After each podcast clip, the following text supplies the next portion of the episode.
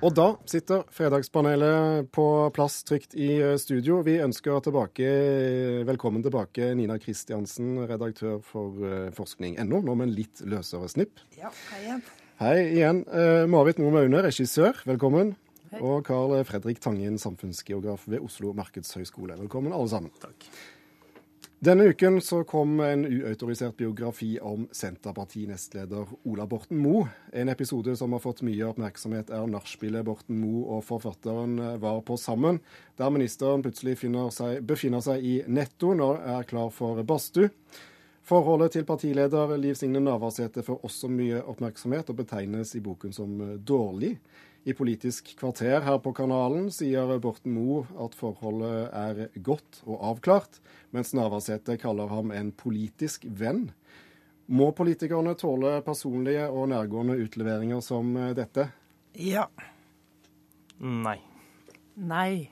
Da begynner vi med ja. Hvorfor må de tåle dette? Ja. Jeg vil ikke at Norge skal styres av en mann som kler seg naken på, foran en VG-journalist og tenker at det skal han komme unna med uten at det blir kjent. Jeg syns han viser utrolig dårlig dømmekraft i, i hele den episoden rundt Eller badstueepisoden, da, som det kanskje blir kalt.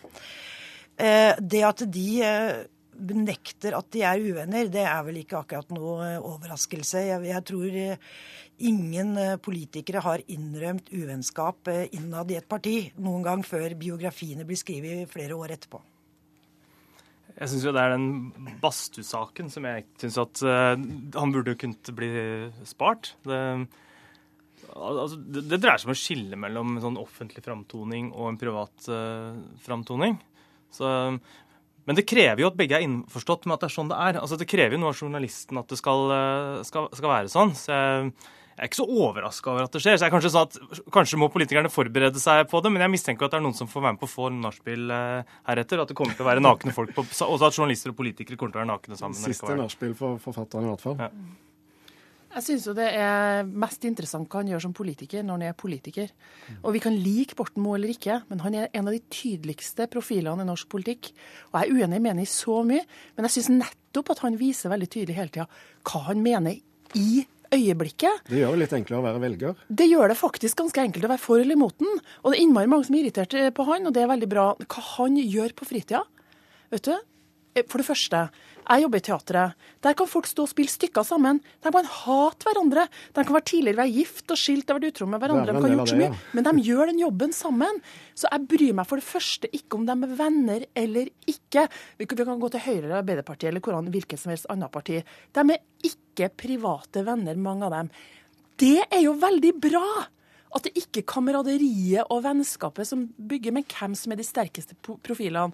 Og så tenker jeg på denne badstua. Så tenker jeg når journalister velger å gå på nachspiel med andre, så må de følge de spillereglene som festen har. For festen har en annen regel enn det politiske livet. Er ikke det, det et poeng? Det er jo noen spilleregler her, da. Og det er bl.a. at fulle folk skal jo ikke intervjues, f.eks. Altså, det er jo en kildebeskyttelse av barn og demente og fulle folk. Men her har vi en ganske spesiell situasjon. altså. Det er en fyr som kan spillereglene. Eh, og allikevel bryter dem på den måten fordi han veit at når en så offentlig person begår en handling, til og med i fylla, så er han ikke da beskytta som kilde. Så det betyr at han enten ikke kan de helt elementære spillereglene, eller at han velger å bryte dem. Begge delene er faretruende. Men kan forfatteren spillereglene for nachspiel her? Det syns jeg ikke forfatteren kan, men eh, det er mulig at han har gjort det bevisst. Fordi noe annet enn boka viser, er jo at han har bytta mening opportunt gjennom sin politiske karriere. Men nå er det blitt borte i så mye badstuetåka. Og, altså, og, folk har jo vært på nachspiel. Altså, ganske mange nordmenn har vært på nachspiel, og ingen blir sjokkert over det som har foregått uh, der. Mm. Så, det, så, det, er jo en helt ålreit sak uh, for han. Det er jo mye vanskeligere kanskje, at han framstår som liksom falsk. Som at han sier noe om sitt forhold til mennesker utad, at det er noe annet som, er, eh, som foregår innad. Og hadde en journalist som avslørt det, så kunne det vært interessant. Men nå virker det jo som journalisten har som agenda å få solgt bøker mer enn å fortelle det som er interessant å, å fortelle. Så jeg tror at boka sliter. Og kanskje journalistikken sliter, mens politikeren står eh, samla. Nesten dette. Det er jo én ting som gjelder når det gjelder oss som folk Vi liker å se karakterbristene til folk. Vi blir letta når dem som virker som de har stålkontroll, ikke har det. Da oppstår det en slags merkelig sympatisk kontakt. Det skal vi bare vite at skjer. Det kan godt være han er sånn at han forstår det. Jeg tror han tabba seg ut. Jeg tror han angrer skikkelig på den festen. Det håper jeg han gjør. Jeg hadde ikke syntes det var behagelig hvis han kledde seg av mens jeg var hjemme til han. Men hvorfor skulle jeg være alene sammen med han i fylla på natta? Det er også et spørsmål, så Jeg, jeg greier ikke å bry meg så mye om det. Du har jo en naken rådgiver til stede òg, da. Ja, det gjør det jo enda artigere. Vi skal ja, fra, fra, en form for nakenhet til en, en, annen. Kvinnegruppen Otta har nylig satt i gang kampanjen Stopp pornokulturen. Vi utsettes for lettkledde og vakre kvinner i reklame på avisforsidene. Nettavisene flommer over av dem. Det samme gjelder TV-programmer og musikkvideoer, for å nevne noe. Et gigantisk eksperiment med den oppvoksende generasjonens seksualitet og identitet, skriver kampanjelederen i Bergens Tidende i dag. Er det det? Ja. Vet du hva, Nå glemte jeg helt hva jeg skulle si ja eller nei til. Er jeg nå for eller mot lettkledde og vakre kvinner?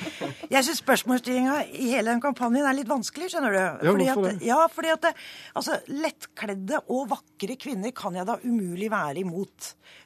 Fordi det handler jo ikke om hvor mye klær du har på deg, eller hvor vakker du er. Det jeg er imot, veldig sterkt imot, det er porno. Men da må porno forstås som undertrykking av kvinner. Ikke bilder av nakne kvinner, f.eks. Det er jeg veldig for. Eh, men, men, hvis du har eh, bilder hvor kvinner eh, skildres på undertrykkende måter, så er jeg veldig, veldig imot. Det snakkes jo gjerne om pornoestetikk i denne sammenhengen. Men det er jo sånn, det som skjer nå, det er jo en gambling med unge menneskers seksualitet og identitet. Men sånn er det jo enhver tid. altså, sånn er det jo hvis det skal være en sånn en tilsnurpa tid hvor du ikke skal vise nakenhet, eller altså, hvor, altså, hvor, du ikke får vite noe om seksualitet, eller hvor det blir framstilt som bare snilt, mm. eller altså, Sånn at vi, vi, begår vår tids eh, eksperiment, og det blir spennende hva som kommer ut av det. Mm. Det som er interessant, Jeg har tenåringer i huset, og jeg har sett altså så mange timer Paradise Hotel at jeg tror jeg er over Jeg tror jeg, jeg kunne ha skrevet oppgave om det, for det står jo på, da. Eh, og vi skal være klar over en ting at de tenåringene de syns det er komisk. De syns den pornografiseringa, for det er porno. Det har jeg bare lyst til å si. For det som har skjedd de siste årene, at pornoen har flytta inn i populærkulturen i, i, større grad enn vi egentlig forstår. Så kan du si kanskje har det noe positivt med seg ved at man har de er mer avslappa forhold til meste tabuer og alt mulig rart. Men man må nesten sette seg ned og forklare dem at det trenger ikke å være vold innbefatta i, i normal sex. At du ikke trenger å komme at en gutt kan godt komme inni henne, trenger ikke å komme i ansiktet på eller på magen hennes. Det er tror en del tenåringer. Og vi skal bare vite at det er blitt en helt normal oppfatning. Nå snakker jeg ikke om mine barn, så de trenger ikke være redde nå, men det er jo klart, så mye ungdommer jeg har snakka med gjennom arbeidet mitt, at det er blitt et helt, helt vanlig oppfatning at det er pornografisert. Deres oppfatning av seksualitet det er helt klart. Du nevnte Paradise Hotel. Ryktene sier at hos familien Kristiansen der får man absolutt lov til å se Paradise Hotel. Vi har eh, asylsøkere hjemme hos oss, altså asylsøkere eh, til Paradise Hotel. Eh, som, for vi, både jeg og Marit bor i samme område, og der har vi mange politiske korrekte foreldre som ikke lar ungene sine se Paradise Hotel. Og det bør de jo la dem gjøre. Så da kommer de til oss, da. Klokka halv ti. Eh, og, og, da eh, er jeg jo litt i tvil hva jeg skal gjøre med det. Så eh, jeg har sagt, og eh, jeg holder et lite foredrag da, før hver episode. Og så sier jeg det at hvis foreldra deres spør, så får dere si at dere har hørt på et lite mediekritisk foredrag før sending. Men det er klart at eh, jeg opplever jo også at disse ungdommene ler av eh, Paradise Hotel-deltakerne, og ikke med dem. ikke sant? Det mm. er, De har en kritisk avstand, og jeg tror at det, når eh, at ikke, de, at ikke de kjøper den seksualiteten som utspiller seg der. Jeg tror at våre ungdommer er enormt godt opplyst og bedre opplyst på en sunn måte enn tidligere generasjoner.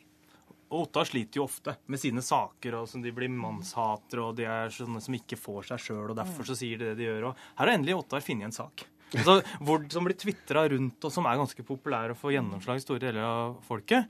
Problemet er at den er nettopp litt usann, sånn som blir beskrevet her. Altså at Det er ikke sånn at kulturuttrykk bare tar over folk og så bestemmer hva de skal tenke. Det er masse motstand. Og det er nettopp den motstanden som viser seg i Ottars suksess med det de påstår. Altså det de, for de klarer å ta, Det er ikke sånn at de vekker motstand som ikke er der. De bare spiller på den motstand som allerede fins.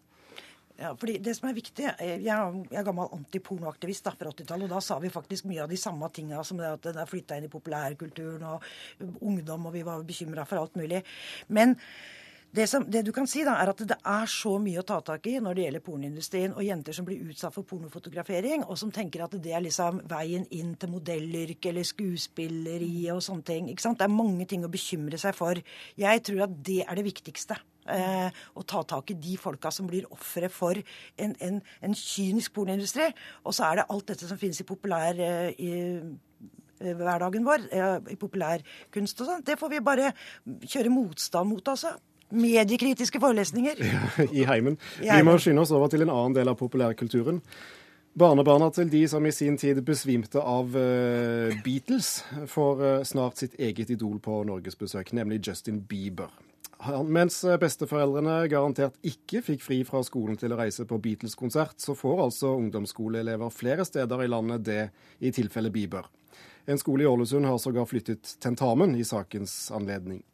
Er det forståelig at disse unge jentene er så opphengt i popstjernen at de bare må ta fri eller skulke skolen for å kaste seg inn i hysteriet? Ja, det er forståelig.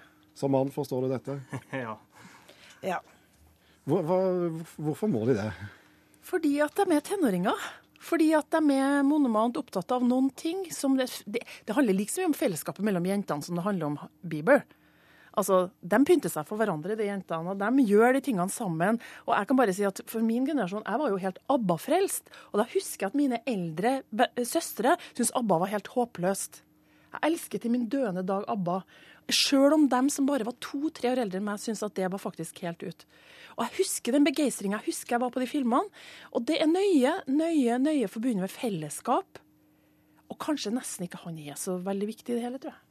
Men du kan jo lure på om de hadde skulka. Altså, dette viser ikke at ungdom har blitt verre eller mer sånn idoldyrkende, men snarere tvert imot. At skoleinstitusjonen står så sterkt at den må som, flytte dager. og det jo, Dette her er jo litt sånn byråkratiets endelige overtagelse yes. av populærkulturen.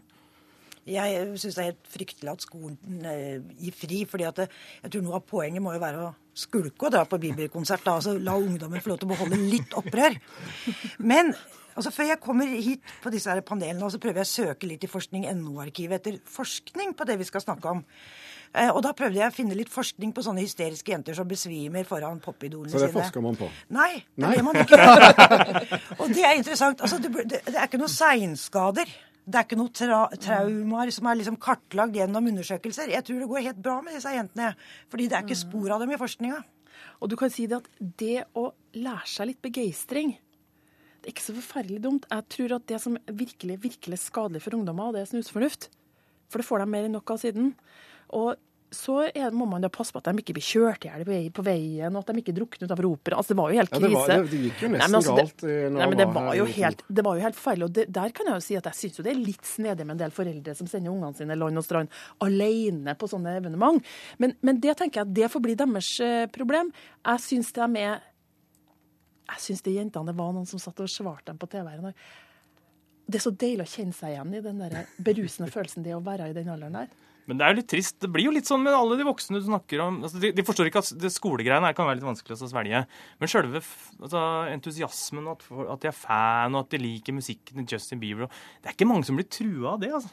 Det er liksom... Uh, altså Det virker sånn populærkultur er ikke så knytta til generasjoner uh, lenger. Men, men, akkurat den der hysteriske entusiasmen, og det forventer du bare fra tenåringene. Du får, ja, du skal, får ikke lov å begynne å røyke engang, men akkurat å bli fan av en artist, det kan du gjøre. Men kanskje det tamme og helt sånn uttrykksløse, i hvert fall for meg, da, virker det som med Bieber, kanskje det er det som er opprøret? Kanskje det, Vi er så opptatt av mening og innhold og sånne ting at de bare velger seg noe helt totalt meningsløst og besvimer av det. Men jeg syns jo det er ganske, ganske sjøl og ganske irriterende at musikksmaken sier at Bieber er en dårlig musiker. Jeg jobber med masse musikere. Bieber er en bra musiker. Han danser bra, han kommuniserer bra. Jeg skjønner godt at de jentene syns at han er bra, og ærlig talt, det er jo deres oppgave å like våre artister. Nei, nei. Og det syns jeg er helt kanskje fantastisk. Kanskje en liten nedtur, da, at eh, foreldrene ikke skjønner at dette er opprør? Ja, altså Jeg prøvde å få ungene mine til å like Dr. Høk. Det går ikke. De vil ikke. Vi får se eh, hvordan eh, det går når Justin Bieber inntar hovedstaden. Datoen er vel 16. april. Tusen takk til Fredagspanelet. Marit Moum Aune, Nina Kristiansen og Carl Fredrik Tangen.